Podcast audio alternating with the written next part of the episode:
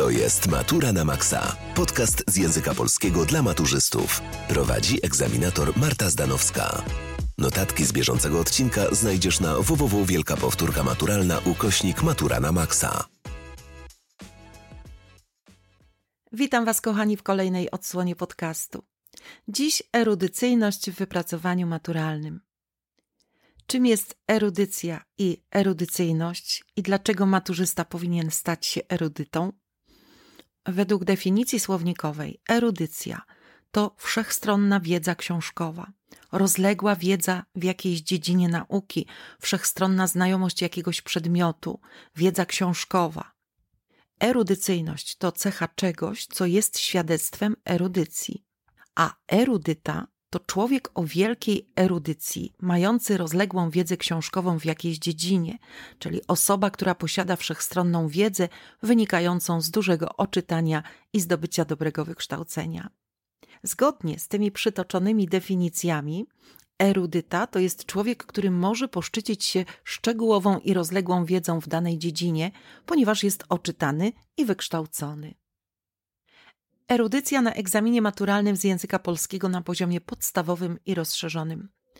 W zasadach oceniania wypracowania maturalnego zawartych w informatorach zdefiniowano pojęcie erudycja, podkreślając funkcjonalne wykorzystanie przez Was wiedzy przedmiotowej w pracy. Erudycję należy rozumieć jako Twoją wiedzę przedmiotową, w tym wiedzę i umiejętność wykorzystania kontekstów, kodów kulturowych, terminologii i znajomości kultury, w tym literatury i sztuki. Wypowiedź świadcząca o Twojej erudycji to wypracowanie, w którym, rozważając problem sformułowany w poleceniu, funkcjonalnie wykorzystujesz wiedzę przedmiotową. Definicje erudycji na poziomie podstawowym i rozszerzonym są tożsame, różnica więc dotyczyć będzie zakresu wiedzy, terminologii, pojęć oraz umiejętności ich funkcjonalnego wykorzystania w pracy maturalnej. Na poziomie podstawowym będą to na przykład motywy literackie, problematyka analizowanego i interpretowanego tekstu, natomiast na poziomie rozszerzonym również funkcje, na przykład struktury tekstu, konwencji literackich czy kategorii estetycznych. Z definicji erudycji sformułowanej w informatorze CKE wynika, że o Twojej erudycyjności będzie świadczyć wypowiedź, w której wykażesz się wiedzą z podstawy programowej dla szkoły podstawowej i ponadpodstawowej.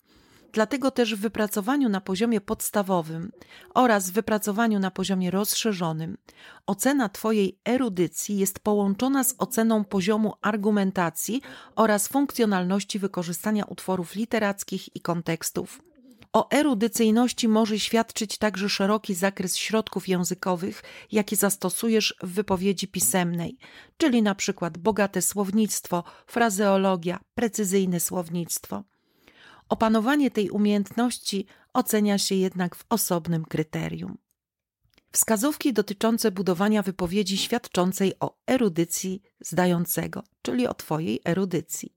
Należy wykazać się zrozumieniem pojęć użytych w temacie, umiejętnością definiowania tych pojęć, przypomnieć sobie ważne informacje, na przykład na temat epoki, w której powstał tekst, czy prądu literackiego, motywu, konwencji literackiej, gatunku, wykorzystywanych środków artystycznych, czyli takie informacje, które pozwolą ci pogłębić odczytanie tekstów i kontekstów, które wykorzystujesz. Należy przytaczać informacje z utworów literackich, które pogłębią rozważenie problemu zawartego w temacie wypracowania, przywołać funkcjonalne i różnorodne konteksty, które pogłębią problem zawarty w temacie pracy, poszerzą interpretację przywołanych przez Ciebie utworów. Kroki prowadzące do erudycji w wypowiedzi. Przypomnij sobie terminy i pojęcia, które zawarte są w podstawie programowej i z którymi spotykałeś się na lekcjach języka polskiego.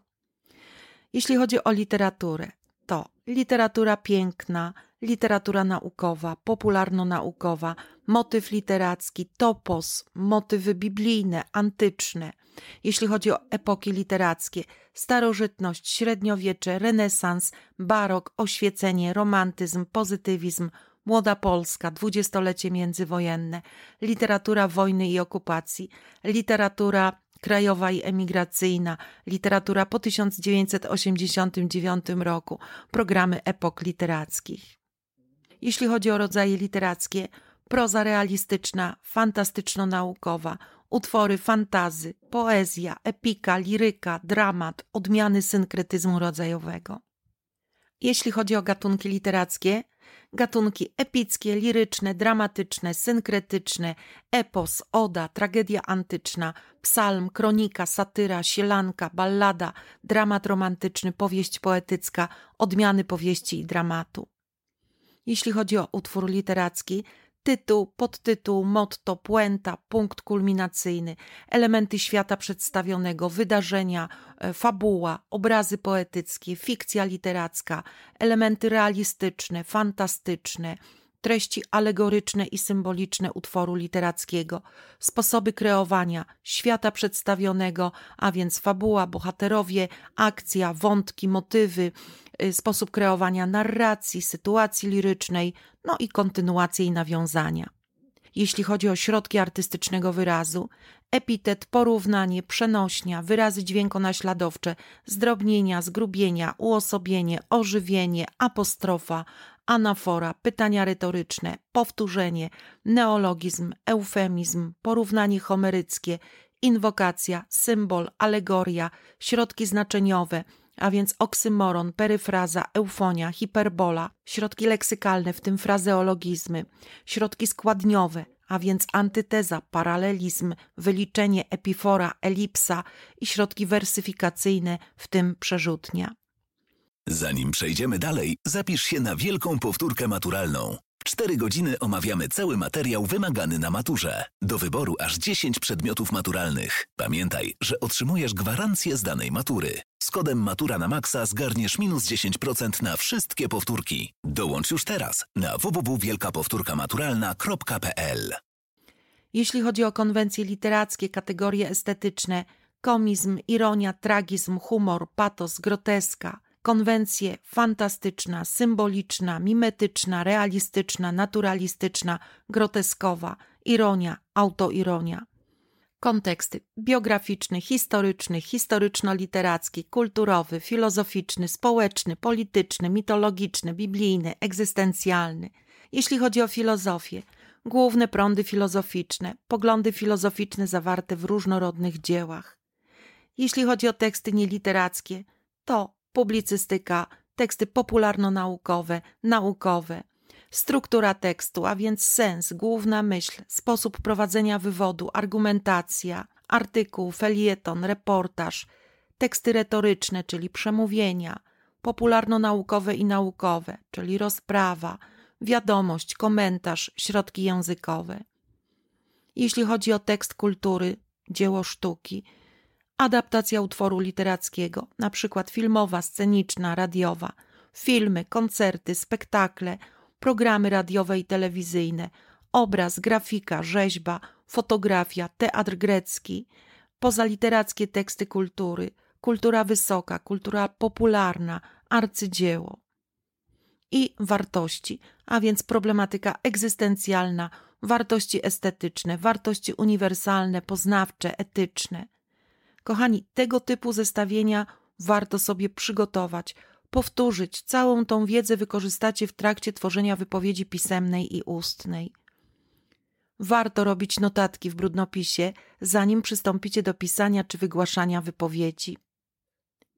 Analizując temat wypracowania, zadaj sobie pytania, jaką wiedzą powinieneś wykazać się w realizacji tego tematu, tak aby Twoja wypowiedź świadczyła o erudycyjności, Odpowiedzi na pytania w czasie egzaminu zapisane w brudnopisie, choćby w postaci mapy myśli, pomogą Ci uporządkować potrzebny materiał i zgromadzić potrzebne pojęcia. Wykonaj te cztery kroki. Przeanalizuj temat pracy. Wyjaśnij terminy sformułowania pojęcia. Zgromadź podstawowe informacje do wykorzystania w pracy, czyli tak zwaną wiedzę przedmiotową. I zastanów się nad tym, jakie terminy i pojęcia możesz wykorzystać w pracy, żeby przekonać egzaminatora o swojej kompetencji w zakresie wiedzy przedmiotowej. Dla przykładu odwołajmy się do tematu z informatora CKE. Temat brzmi: melancholia, choroba duszy czy motywacja do działania, różne oblicza nudy w literaturze.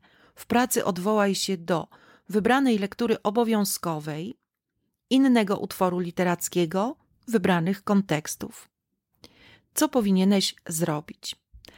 Najpierw analiza problemu zawartego w temacie. Więc zastanów się nad tym, co to znaczy, że trzeba przedstawić różne oblicza nudy w literaturze. 2. Wyjaśnij pojęcia, czyli wyjaśnij, jak rozumiesz pojęcie melancholia, choroba duszy, motywacja do działania. Teraz analiza elementów tematu. A więc odpowiedz sobie na pytania: do jakich utworów muszę się odwołać w pracy? Jakie konteksty mogę przywołać, aby pogłębić odczytanie utworów, przeanalizować problem?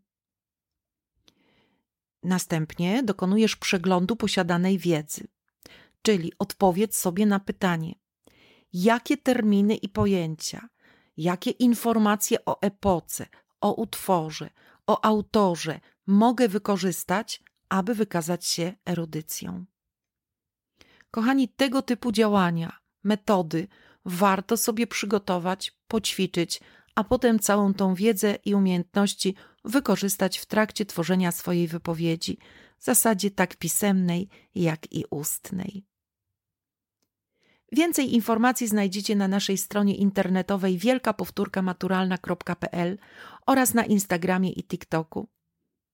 Tyle dzisiaj. Do usłyszenia w kolejnym odcinku podcastu, na który serdecznie Was zapraszam.